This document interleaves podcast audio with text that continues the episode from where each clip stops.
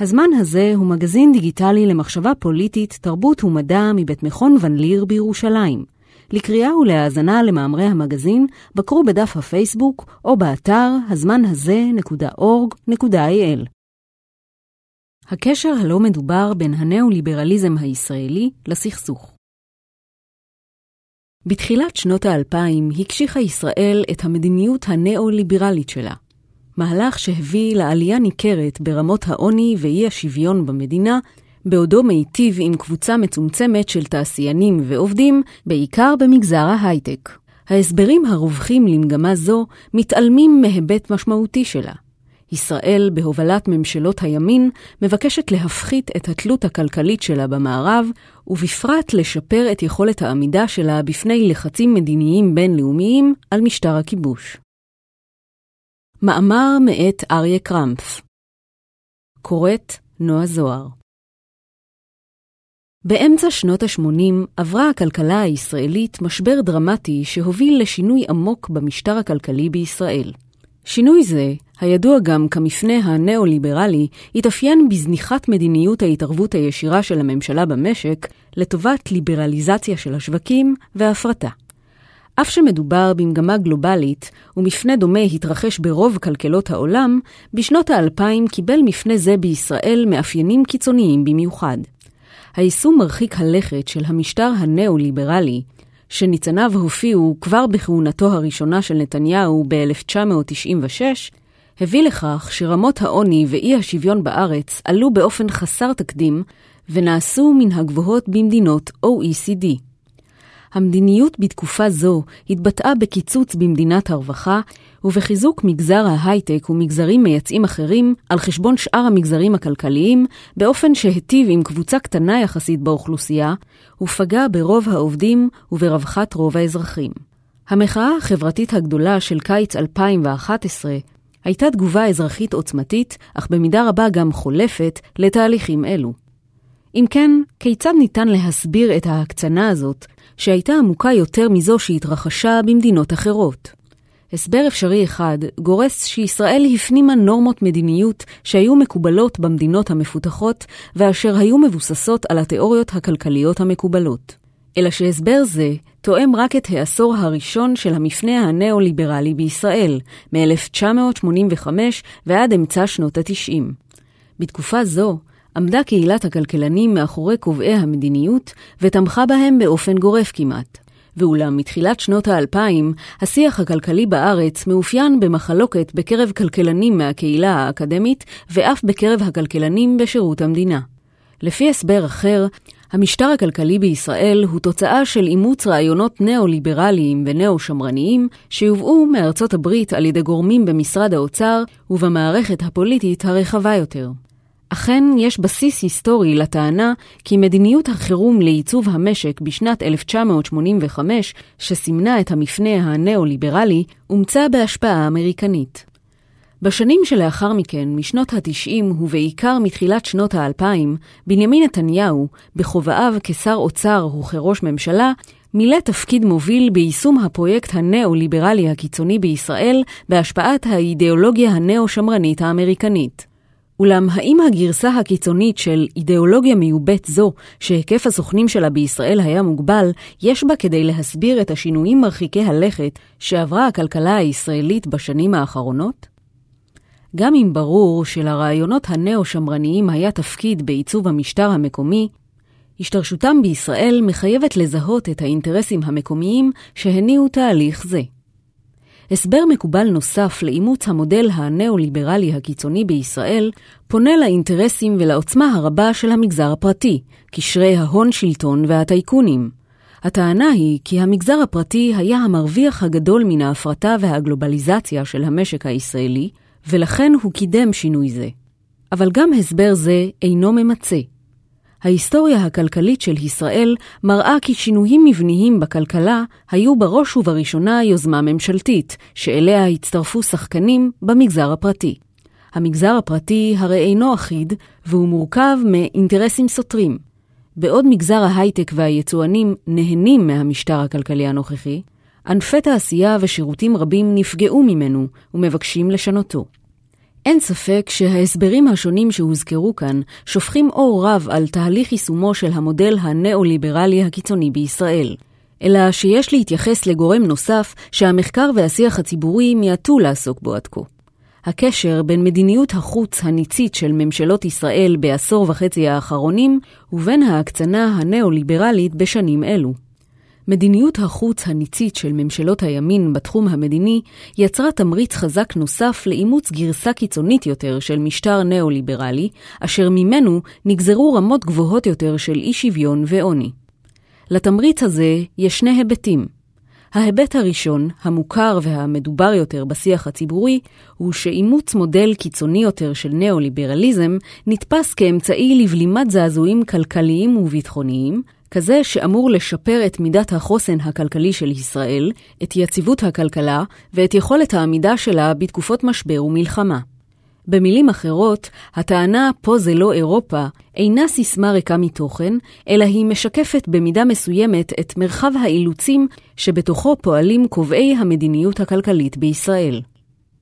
ההיבט השני, המשלים, שבו ספרות המחקר והשיח הציבורי כמעט לא עסקו עד כה, הוא שהמודל הנאו-ליברלי הקיצוני, שאותו קידמו בעשור וחצי האחרונים בעיקר ממשלות הימין, אמור לתרום לצמצום התלות הכלכלית של ממשלות אלו בגורמים חיצוניים, בראש ובראשונה בארצות הברית ובמידה פחותה במדינות אירופה, מסיבות פוליטיות.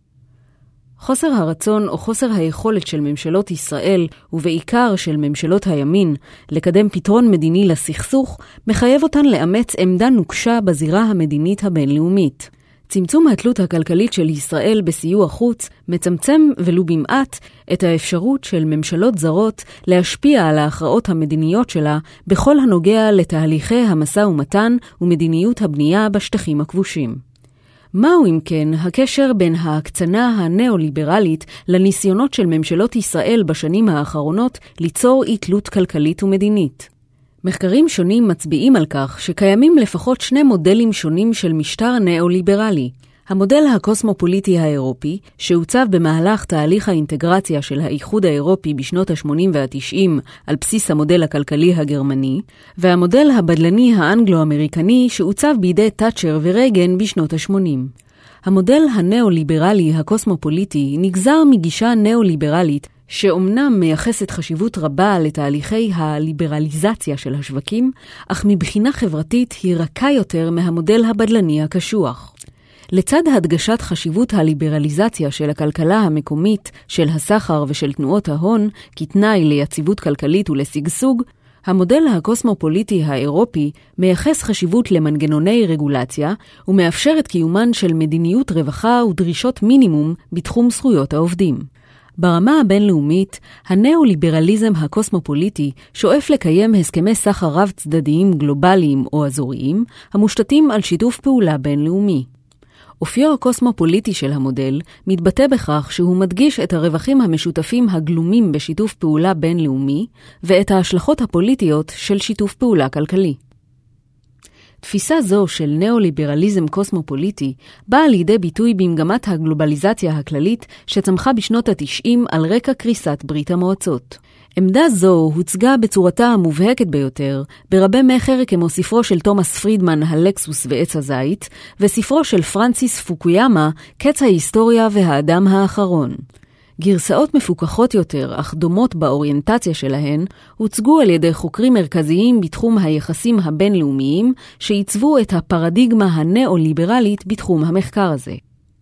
המודל הנאו-ליברלי הבדלני האנגלו-אמריקני, לעומת זאת, מתייחס בעיקר לרפורמות שהנהיגו מרגרט תאצ'ר ורונלד רייגן בשנות ה-70 וה-80. רפורמות אלו התבססו על התפיסה של מדיניות ידידותית לעסקים, הבאה על חשבון מדינת הרווחה ופוגעת באופן משמעותי בכוחם של העובדים. בכל הנוגע ליחסי חוץ, הנאו-ליברליזם האנגלו-אמריקני הוא בעל אופי בדלני יותר מאשר זה האירופי. בארצות הברית אמנם קיימים הזרמים הנאו-ליברליים הקוסמופוליטיים, אך תמיד הייתה קיימת עוד גישה, המגלה חשדנות כלפי הרעיון של שיתוף פעולה בינלאומי, בעיקר בקרב הימין הרפובליקני והנאו-שמרני. הנאו-שמרנים לא התנגדו לגלובליזציה, אך הציעו חזון חלופי שלפיו על ארצות הברית להשתמש בכוח המיקוח שלה כדי לקדם הסדרים התואמים את האינטרסים שלה. הרעיון הכלכלי שהצדיק עמדה זו היה כי אם כל מדינה תאמץ את המדיניות הכלכלית הנכונה, הנאו-ליברלית, כלפי פנים, לא יהיה צורך בשיתוף פעולה בינלאומי. מדינות סמי-פריפריאליות רבות, ובהן ישראל, הושפעו משני המודלים הנאו-ליברליים של ארצות הברית ושל אירופה, גם אם לא אימצו אותם באופן עיוור. מצד אחד, כאשר התנאים אפשרו זאת, חלק מהמדינות אימצו את המודל הקוסמופוליטי האירופי ויצרו גושים כלכליים אזוריים או הצטרפו לגושים קיימים. מנגד ובמקביל, מדינות קטנות שלא הייתה להן האפשרות להצטרף לגושים אזוריים, יכלו לאמץ את המודל הבדלני הגורס כי השוק הגלובלי הוא שדה קרב שבו מדינות מתחרות זו בזו ומשתמשות באמצעי מדיניות שונים כדי לקדם את החברות המקומיות בזירה הבינלאומית. לפי גישת הנאו-ליברליזם הבדלני, מטרתה המרכזית של הממשלה היא לשפר את מיצוב הכלכלה בזירה הבינלאומית באמצעות קידום חד-צדדי של הייצוא ושימוש באמצעי מדיניות פרוטקציוניסטיים עקיפים, וזאת משיקולים כלכליים ופוליטיים כאחד. עידוד הייצוא מצמצם את הגירעון בחשבון השוטף של מאזן התשלומים או מגדיל את העודף. כמו כן, הזרימה של מטבע חוץ לכלכלה המקומית מצמצמת את החשיפה של המגזר העסקי המקומי לאשראי מבנקים זרים. יתר על כן, הכנסות הממשלה ממיסוי במטבע חוץ מאפשרות למדינה לצמצם את החוב החיצוני שלה לבנקים זרים, למדינות אחרות או לגופים בינלאומיים. יתרון אחד של גישה זו הוא ביסוס יציבות כלכלית אגב צמצום סיכונים וצמצום התלות הפוליטית של הממשלה בגורמים בינלאומיים, שיכולים בנסיבות מסוימות לצמצם את מרחב הפעולה שלה. יתרון שני, הנובע מהראשון, הוא שכלכלת ייצוא מאפשרת לבנק המרכזי לצבור יתרות מטבע חוץ גדולות, המשמשות כביטוח מפני משברים כלכליים, פוליטיים וביטחוניים, שבמהלכם הגישה למטבע חוץ עלולה להיחסם. במובן זה, למודל הנאו-ליברלי המוטה ייצוא יש יתרונות מבחינת האינטרסים המדינתיים, במיוחד במדינות קטנות, אך אלה, יש לזכור, אינם בהכרח עולים בקנה אחד עם האינטרסים של האזרחים ועם רווחתם. לכאורה, כל מדינה קטנה אמורה לרצות לאמץ מודל בדלני כזה, שאפשר לתארו כנאו-מרקנטיליזם בעידן נאו-ליברלי. אלא שלמודל כזה יש מחיר חברתי כבד. ההצלחה הכלכלית של המדינה בזירה הכלכלית הבינלאומית, הדוחפת אותה לקדם יכולות תחרותיות, נופלת על כתפיהם של העובדים, שכן היא מחייבת שורה של רפורמות רגרסיביות מבחינה חברתית. קידום הקלות מס למגזרים מייצאים הממומנות למעשה על ידי מגזרים אחרים, חתירה תחת העבודה המאורגנת והגמשת כוח העבודה המובילות לירידה בשכר הריאלי, והעלאת יוקר המחיה כתוצאה משער חליפין התומך ביצואנים. אם כן, החולאים החברתיים המיוחסים לנאו-ליברליזם באופן כללי, אינם בהכרח שווי ערך בכל המשטרים הנאו-ליברליים. יש משטרים כלכליים בעלי השלכות חברתיות קשות יותר. חלק נכבד מהגידול באי השוויון המזוהה עם העידן הנאו-ליברלי בישראל בשנים האחרונות נובע מן המדיניות של המשטר הנאו-ליברלי הבדלני, כלומר מן המטרות של עידוד הייצוא והעצמאות הכלכלית. אין בכך כדי לסנגר על הנאו-ליברליזם הקוסמופוליטי של שנות ה-90, או להפוך אותו לאידיאל חברתי, שכן גם הוא התאפיין ברמות אי שוויון גבוהות יחסית למשטר סוציאל דמוקרטי. יש בכך רק כדי להבהיר כי אף שלשני סוגי המשטר הכלכלי הזה יש השלכות רגרסיביות על מדינת הרווחה ועל העובדים, ההשלכות של הנאו-ליברליזם הבדלני מזיקות יותר במידה ניכרת. כדרכם של מודלים, שני המודלים הנאו-ליברליים שהוצגו כאן אינם מתיימרים לייצג באופן מלא ומדויק את ההבדלים בפועל ולאורך זמן בין הכלכלה הפוליטית של האיחוד האירופי ושל ארצות הברית.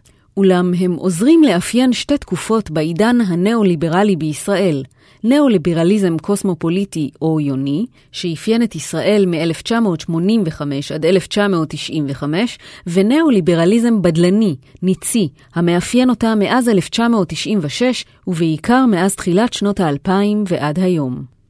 כדי להבין את התפנית שעשתה ישראל בשנות האלפיים מן הנאו-ליברליזם הקוסמופוליטי למודל הבדלני, אין די בבחינת היתרונות והחסרונות של משטרים אלו באופן כללי. יש לדון בשאלה כיצד מאפייניהן של מדינות עשויים להשפיע על התמריץ לאמץ משטרים כאלה.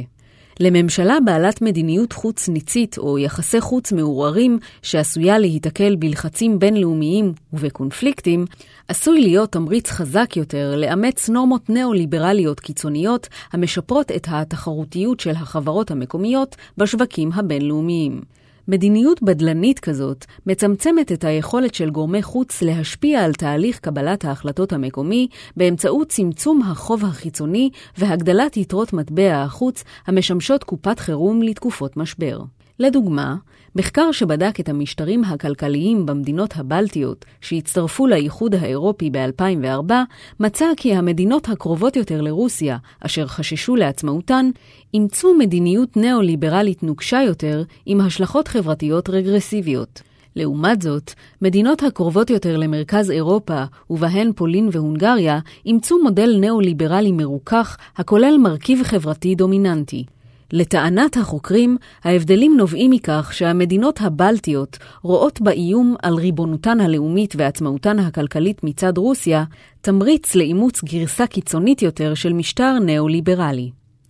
גם בישראל, התנאים הכלכליים והגיאופוליטיים הביאו לכך שלאורך כל שנות קיומה, עצמאות כלכלית נתפסה כבעלת חשיבות בעיני הממשלות המתחלפות. עם זאת, המשקל שקיבלה מטרה זו בהשוואה למטרות אחרות השתנה בהתאם לנסיבות, וגם העלות החברתית שלה השתנתה מעת לעת. זמן קצר לאחר הקמת המדינה, החלה ישראל לקבל את תשלומי הפיצויים מגרמניה המערבית, והמטרה של עצמאות כלכלית נדחקה לשוליים. בשנות ה-60, כאשר הזרמת תשלומי הפיצויים מגרמניה המערבית עמדה להסתיים, נעשה הניסיון המשמעותי הראשון לצמצם את התלות הכלכלית של ישראל ולעודד את הייצוא באמצעות מדיניות המיתון של השנים 1965-1966. מדיניות בדלנית זו לא השיגה את מטרתה, אך היא חידדה את המחיר של עצמאות כלכלית. הורדה של רמת החיים, גידול באבטלה וחשיפת כוח העבודה המקומי לכוחות השוק. לאחר מלחמת ששת הימים, וביתר שאת לאחר מלחמת יום כיפור, החשיבות של עצמאות כלכלית צומצמה כאשר ארצות הברית החלה להזרים לישראל סיוע כלכלי, ביטחוני ואזרחי ניכר. הסיוע הוביל להגדלה ניכרת של ההוצאה הממשלתית ומימן בנייה של כוח צבאי בסדר גודל של מעצמה אזורית, בנייה של מערכת רווחה בקנה מידה אירופי, מערך נדיב של תמיכה בתעשיינים וביצואנים, וכן את העלויות הדרושות לניהול השטחים הכבושים. המחיר של הישגים אלו היה העמקת התלות הכלכלית והפוליטית בארצות הברית. כל עוד האינטרסים הישראליים והאמריקניים חפפו זה את זה, כפי שהיה בתקופת הממשל של ניקסון, שראה בהתעצמות ישראל אמצעי לבלימת ההשפעה הסובייטית במזרח התיכון, הסיוע האמריקני לא נתפס כבעיה פוליטית ולא הגביל את מרחב שיקול הדעת של ממשלות ישראל. אולם במחצית השנייה של שנות ה-70 ובמהלך שנות ה-80 חל שינוי בתפיסת האינטרס האמריקני במזרח התיכון, כאשר ארצות הברית ביקשה למצב את עצמה כגורם מתווך בין המדינות הערביות לישראל. בעקבות כך, היא החלה להפעיל לחצים רכים על ישראל, כדי שזו תאמץ מדיניות חוץ יונית יותר. המהלך הביא לחתימת הסכם השלום עם מצרים ב-1979. התלות הכלכלית של ישראל בארצות הברית הגיעה לשיאה שש שנים אחר כך, ב-1985, כאשר הכלכלה הישראלית הייתה על סף קריסה. ישראל נחלצה מהמצב הזה באמצעות סיוע חירום אמריקני. התנאי לקבלת הסיוע היה אימוץ של תוכנית חירום לייצוב המשק. הנסיגה של ישראל מלבנון לרצועת הביטחון באותה שנה הייתה קשורה גם היא, ככל הנראה, לסיוע זה. כך נפתח עידן הנאו-ליברליזם הקוסמופוליטי בישראל, עידן של ליברליזציה לצד קידום תהליך השלום ושאיפה לייצור שיתוף פעולה אזורי ובינלאומי. בתנאים אלו, התלות הכלכלית בארצות הברית לא נתפסה כבעלת מחיר פוליטי.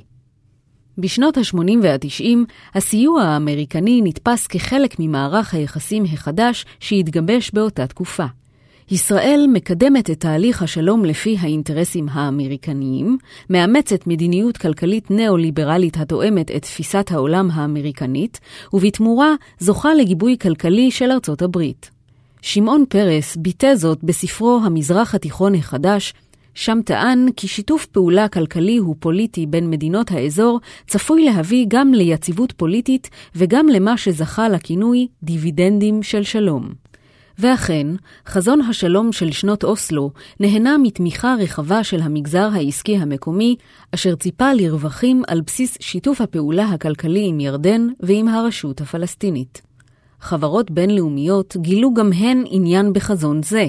מבחינה זו, חזון המזרח התיכון החדש קיבל את השראתו מן הנאו-ליברליזם הקוסמופוליטי האירופי ומתהליך האינטגרציה האירופית. לפי החזון הזה, החשיבות האסטרטגית של עצמאות כלכלית הייתה מצומצמת, וזאת מכמה סיבות. ראשית, מבחינה כלכלית, הנאו-ליברליזם הקוסמופוליטי אינו רואה בקיומם של גירעונות או עודפים בחשבונות הסחר בעיה שיש לטפל בה. לדידם של כלכלנים ליברליים, חוסר האיזון בחשבונות הסחר הוא תוצר טבעי של כלכלה חופשית. שנית, מבחינה פוליטית, בהינתן תמיכת המעצמות המערביות בחזון המזרח התיכון החדש, העצמאות הכלכלית איבדה את חשיבותה האסטרטגית. פרוץ האינתיפאדה השנייה, שלווה בקריסת הקונספציה של הסכמי אוסלו ובעליית ממשלות הימין, סימן את תום עידן הנאו-ליברליזם הקוסמופוליטי ואת המעבר למודל בדלני. על רקע התקבלות התפיסה כי אין פרטנר, האופטימיות שעמדה ביסוד חזון המזרח התיכון החדש התחלפה בתפיסה כי התנאים הפוליטיים שהיו דרושים למימושו של חזון זה אינם מתקיימים במזרח התיכון. בתנאים החדשים, סוגיית העצמאות הכלכלית קיבלה משנה תוקף בעיני ההנהגה הפוליטית. על אף הרטוריקה הליברלית שאימצו ראשי הממשלה ושרי האוצר של ממשלות הימין, סקירה מדוקדקת יותר של תוכני המדיניות ושל אופני הצדקתה, מראה כי הם תפסו את המדיניות הכלכלית גם כמכשיר פוליטי לקידום איתנותה של הכלכלה הישראלית בזירה הבינלאומית. ולצד הצורך לפצות על הסיכונים הביטחוניים באזור, היה זה גם ניסיון לתת מענה לפערים המתרחבים בין תפיסת האינטרסים הישראלית לזו האמריקנית, פערים שהגדילו את מידת הדחיפות של צמצום התלות הכלכלית של ישראל בארצות הברית. היכולת של ממשלות הימין בישראל להמשיך ולקיים מדיניות חוץ ניצית ולהימנע ככל האפשר מקידום הסדר מדיני על כל היבטיו, הייתה תלויה במידת החופש שלהן מלחצים אמריקניים. במבחן התוצאה הכלכלי, עיקר הצלחתו של המשטר הנאו-ליברלי הבדלני בישראל מתבטא במשתנים כלכליים הנוגעים ליחסי ישראל עם שאר העולם. מאזן החשבון השוטף של ישראל הגיע ב-2016 לעודף של 12 מיליארד דולר. זאת לאחר שב-1985 היא הייתה בגירעון של 2 מיליארד ו-400 מיליון דולר, וב-2003 הגיעה לאיזון. החוב החיצוני של ישראל הגיע ב-2016 לרמה הנמוכה של 8% מהתל"ג, לאחר שב-1985 הוא עמד על 80% מהתל"ג. לבסוף, יתרות מטבע החוץ המוחזקות בידי הבנק המרכזי נסקו מ-3 מיליארד ו-700 מיליון דולר ב-1985 לכ-100 מיליארד דולר ב-2017. כל המספרים הללו מעידים שישראל השיגה עצמאות ויציבות כלכלית חסרות תקדים. נוכח נתונים אלו, אפשר היה לחשוב שמדובר בסיפור הצלחה כלכלי פשוט. אלא שהמודל הבדלני הזה גובה מחיר חברתי כבד מרוב אוכלוסיית ישראל. כדי לעודד את הייצוא, ממשלת ישראל מספקת הקלות ופריבילגיות למספר קטן של חברות יציבות וגדולות, בעיקר בתעשיית ההייטק, המאופיינת בפריון עבודה גבוה ובשכר ריאלי גבוה. מדיניות זו חיזקה את המגמה של ריכוזיות הייצוא. רוב הייצוא בארץ נעשה על ידי מספר קטן של חברות במגזר ההייטק שנהנות מתמיכה ממשלתית מסיבית. בשנת 2007 היו עשר היצואניות הגדולות בישראל אחראיות ל-36% מסך הייצוא. ב-2014 גדל חלקן והגיע ל-50% מן הייצוא הכולל. בשנת 2010 ארבע חברות, טבע, כימיקלים לישראל, אינטל וצ'ק פוינט, שהיקף פעילותן מהווה חצי אחוז מפעילות החברות בישראל, קיבלו הקלות מס בהיקף של 4 מיליארד דולר, שהם כ-70 אחוז מסך הקלות המס שניתנו באותה שנה, וכמחצית העודף בחשבון השוטף של ישראל. בסך הכל, 90% מסך הקלות המס ניתנו לרבע מן החברות הנמצאות בעשירון העליון מבחינת גודלן. למדיניות זו יש השלכות חברתיות רגרסיביות, שכן היא יוצרת העדפה לא רק לחברות, אלא גם לעובדים במגזר הייצוא. מחקרים מראים כי בשני העשורים האחרונים גדל משמעותית הפער בין ענפי הייצוא, המאופיינים בפריון ייצור גבוה ובשכר גבוה, ובין ענפי הייצור לצריכה מקומית, המאופיינים בפריון ייצור נמוך ובשכר נמוך. המשמעות היא כי קבוצה קטנה של תעשיינים ועובדים נהנית משגשוג כלכלי, בעוד שאר המגזרים נותרים מאחור. זאת ועוד, מדיניות רכישת הדולרים של בנק ישראל, המאפיינת את המודל הבדלני, הובילה לעלייה ברמת המחירים המקומיים. מדיניות הבנק שומרת על שער שקל נמוך מכפי שהיה צפוי להיות ללא התערבותו, ובכך היא מעודדת את היצואנים. בה בעת היא גורמת לעלייה במחירי היבוא, ולכן לעלייה ביוקר המחיה. המשמעות היא פגיעה בשכר הריאלי של העובדים בישראל. בפועל, משום שרמת השכר בענפי הייצוא גבוהה למדי, הפגיעה בשכר היא בעיקר באוכלוסיות מעמד הביניים ומטה. במובן זה, אזרחי ישראל מסבסדים את הייצוא הישראלי. בשנים האחרונות תקפו את המדיניות הזאת כלכלנים בכירים ובהם אבי שמחון, יושב ראש המועצה הלאומית לכלכלה, שקרא להפסיק את מדיניות רכישת הדולרים, וטען כי התהליך יגדיל את הכנסות המדינה ויביא להורדת מיסים ולהורדת יוקר המחיה. דרישה זו זוכה לתמיכה מכלכלנים נוספים. בנק ישראל הוא גוף עצמאי שאינו נועץ בממשלה ואף מבקר אותה תכופות, ולכן אפשר לתהות אם מדיניותו אכן מהווה חלק ממשטר הנאו-ליברליזם הבדלני. אמת נכון, בנק ישראל אינו שותף להכרעות המדיניות של ממשלות ישראל, אך הבנק מקבל הכרעות אלו כמצב נתון, והוא מתאים את המדיניות שלו כדי לשמור על יכולתה של הכלכלה הישראלית לעמוד בפני זעזועים חיצוניים ופנימיים. ואכן, מדיניות מטבע החוץ של הבנק ואופני הצדקתה תואמים את סדר העדיפויות הלאומי של המודל הבדלני. במדינות רבות אחרות המנהלות מדיניות של צמיחה מוטת ייצוא, העובדים מפוצים באמצעות מדיניות רווחה נדיבה במיוחד. ספרות המחקר מראה כי מדינות המאופיינות בכלכלה פתוחה, כאלה שבהן העובדים חשופים יותר לכוחות השוק הגלובליים, נוטות לאמץ מדיניות חברתית נדיבה יותר מאשר כלכלות סגורות, כדי לפצות על ההשלכות החברתיות של מדיניות מוטת ייצוא. בישראל, לעומת זאת, המפנה הנאו-ליברלי בשנות ה-80 וההקצנה הבדלנית של שנות ה-2000 לא רק שלא לוו בחיזוק רשת הביטחון החברתית, הם אף כרסמו בה. המשמעות הפוליטית-מדינית של המדיניות הנאו-ליברלית הבדלנית על יתרונותיה וחסרונותיה החברתיים-כלכליים, היא כי ישראל יכולה כיום לעמוד בפני זעזועים פוליטיים או כלכליים בלי להזדקק לסיוע כלכלי משום מדינה או ארגון בינלאומי. בתוך כך, היא יכולה לקדם את האינטרסים המדינתיים שלה בזירה הבינלאומית ולהפחית את חשיפתה ללחצים חיצוניים. אחת מהצלחותיו של המשטר הנאו-ליברלי בישראל היא הצמצום הניכר של התלות הכלכלית הישירה של ישראל בסיוע חוץ אמריקני. אמנם נכון כי התלות של ישראל בארצות הברית אינה נובעת רק מהסיוע הכספי, אלא גם מסיוע פוליטי בזירות מדיניות בינלאומיות כמו האו"ם, אבל צמצום התלות בסיוע הכספי משמעותי כשהוא לעצמו, בהיותו אמצעי פשוט, מיידי ויעיל להשפעה על קבלת ההחלטות בישראל.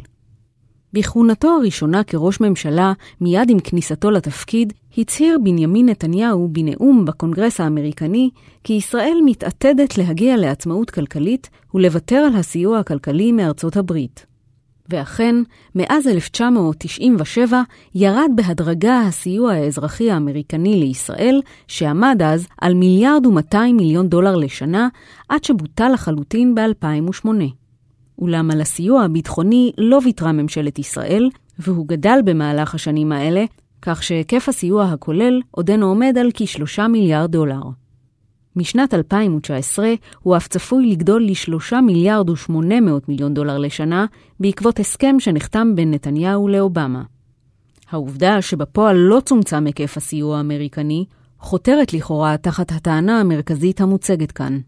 אולם יש לזכור כי תלות פוליטית אינה נמדדת בהיקף הסיוע בפועל, אלא בשאלה אם מקבל הסיוע יכול לוותר עליו. ב-1985 למשל, ישראל הייתה זקוקה נואשות לסיוע, ולכן כוח המיקוח שלה היה נמוך. כיום, ישראל ממשיכה לקבל סיוע ביטחוני, אך הוא אינו חיוני לקיומה. עובדה זו, כפי שטוענות תיאוריות של משא ומתן בינלאומי, מצמצמת במידה מסוימת את השפעתה הרבה של ארצות הברית על ישראל, אף שישראל עדיין תלויה מאוד בארצות הברית מבחינה פוליטית, בשל השפעתה בזירות הבינלאומיות ובשל יחסי החסות עימה. בתנאים אלו, אין להתפלא כי מתרבים הקולות מתוך המערכת הפוליטית ומחוץ לה, בעיקר מצד גופי תקשורת, מכוני חשיבה ופעילים המשויכים לימין המדיני, הקוראים לוותר לחלוטין ולאלתר על הסיוע האמריקני, כדי להימנע מלחצים מדיניים מצד ארצות הברית. חיזוק לתפיסה כי הימין המדיני בישראל מייחס חשיבות אסטרטגית לצמצום התלות של ישראל בארצות הברית ובמדינות אירופה, ניתן למצוא במאמץ שמקדישות ממשלות הימין בשנים האחרונות לגיוון המדינות שלישראל יש עמן קשרי מסחר, וכן באופן שבו חברי הממשלה מצדיקים מהלך זה. כך למשל, בינואר 2015, על רקע החלטת בית הדין הבינלאומי בהאג לפתוח בבדיקה של התנהלות ישראל במבצע צוק איתן, אמר ראש הממשלה בנימין נתניהו בישיבת הממשלה, אני מדגיש את השווקים במזרח לא משום שאנחנו רוצים לוותר על השווקים האחרים, אבל אנחנו בפירוש רוצים להקטין את התלות שלנו בשווקים מסוימים במערב אירופה. מערב אירופה עוברת גל של איסלאמיזציה, של אנטישמיות ושל אנטי-ציונות, ואנחנו רוצים להבטיח שמדינת ישראל יהיו לה לאורך השנים שווקים מגוונים ברחבי העולם. מי שהתבטא באופן דומה בעניין זה הוא נפתלי בנט, שבתקופת כהונתו כשר הכלכלה היה מן הדמויות הבולטות שקידמו את הנאו-ליברליזם הבדלני בישראל, והרבה לעסוק במשיכת משקיעים לישראל ובעידוד היצוא, בפרט למדינות לא מערביות במזרח אסיה, באפריקה ובאמריקה הלטינית. בריאיון בשנת 2013 קרא בנט לוותר על הסיוע האמריקני. כעבור שנה אמר כי התפיסה הכלכלית-דיפלומטית היא שאנחנו צריכים להוביל את הדיפלומטיה עם העוצמה הכלכלית שלנו, ועל ידי זה להוריד את משקל הסכסוך בסוגיות דיפלומטיות. אתה לוקח מדינה X, מטפל באופן מסיבי בסוגיות של חקלאות ומים, והם לא יבלבלו לך את המוח בסוגיית הסכסוך שלך, וזה עובד. צריך רק להמשיך. התבטאות אופיינית זו מייצגת נדבך נוסף של גישת העצמאות הכלכלית של בנט, ייצוא ישראלי אטרקטיבי כבסיס ליצירת בריתות עוקפות סכסוך. לכאורה, אפשר לטעון שמדיניות הייצוא רק מגבירה את התלות של ישראל בכלכלות העולם, ובכך מאפשרת להפעיל עליה לחץ. אלא שישראל, שהיא מדינה קטנה עם כלכלה פתוחה בעידן הגלובלי, תלויה באופן מובנה בייצוא וביבוא, וממילא חשופה למנופי לחץ פוטנציאליים כגון חרמות או משיכת הטבות לייצוא ישראלי, מהסוג שתנועת BDS קוראת להפעיל. עם לחצים כאלה צריך להתמודד גם המודל הקוסמופוליטי, הכרוך בחשיפת המשק הישראלי לסחר בינלאומי, בלי שיהנה מיתרונות המודל הבדלני. יתרונות תחרותיים לחברות המקומיות בשווקים הבינלאומיים, תלות מצומצמת בסיוע חוץ ובהלוואות, ובולמי זעזועים לכלכלה המקומית בדמות יתרות מטבע גבוהות ועודפים בחשבון הסחר. יתרונות אלו של המודל הבדלני מפצים בהחלט על הסיכון הכרוך בחשיפה גדולה יותר ללחצים מצד תנועות חרם, והופכים את המודל הבדלני לכדאי יותר מבחינת השאיפה המדינית לעצמאות כלכלית. לאור הניתוח שהוצע כאן, אפשר לתהות עד כמה הנאו-ליברליזם הבדלני נכפה על ישראל כתגובה לחוסר היציבות במזרח התיכון ולחוסר היציבות הכלכלית בעולם. אין ספק שהתנאים הגיאופוליטיים שישראל פועלת בתוכם משפיעים על מרחב שיקול הדעת של קובעי המדיניות, ומבחינה זו יש גרעין של אמת בטענה המוכרת, פה זה לא אירופה. עם זאת, תהיה זו טעות להניח כי התנאים הקיימים, הגיאופוליטיים או הכלכליים, מכתיבים את המדיניות הכלכלית. אימוץ המשטר הנאו-ליברלי הבדלני הוא בראש ובראשונה הכרעה פוליטית המשקפת בין היתר סדר עדיפויות לאומי. לפיכך, יש לו חלופה המשקפת סדר עדיפות לאומי אחר, והיא קידום הסדר מדיני לסכסוך. מכיוון שמדינת ישראל אינה פועלת לקדם הסדר שכזה, אלא חותרת לסטטוס קוו מתמשך, הדבר מחייב אותה לעמוד בלחצים בינלאומיים, ואלה בתורם מחייבים עצמאות כלכלית רחבה. הנטל של מדיניות זו נופל בסופו של דבר על כתפיהם של מגזרים רחבים בחברה בישראל, ומביא לפגיעה קשה ברווחה ולאי שוויון בלתי נסבל. גם אם המצב הגיאופוליטי אינו צפוי להשתנות בשנים הקרובות, ותהא הסיבה לכך אשר תהא, יש לשאול אם לא הגיעה העת לשקול מחדש את סדר העדיפויות הכלכלי ולאמץ מדיניות כלכלית מאוזנת יותר, המקנה משקל רב יותר לפיתוח תעשייה מסורתית ושירותים, לאימוץ מדיניות השקעות מבוזרת יותר ולהרחבת רשת הביטחון החברתית. להערכתי, התשובה לכך חיובית. דוקטור אריה קרמפף הוא מרצה בכיר בבית הספר לממשל וחברה במכללה האקדמית תל אביב-יפו. הוא מתמחה בין היתר בכלכלה פוליטית של מוסדות מוניטריים ופיננסיים, במשילות פיננסית גלובלית ובהיסטוריה הכלכלית של ישראל. מאמר זה מבוסס על פרק מספרו The Israeli Path to Neoliberalism The State, Continuity and Change, שראה אור בשנת 2018.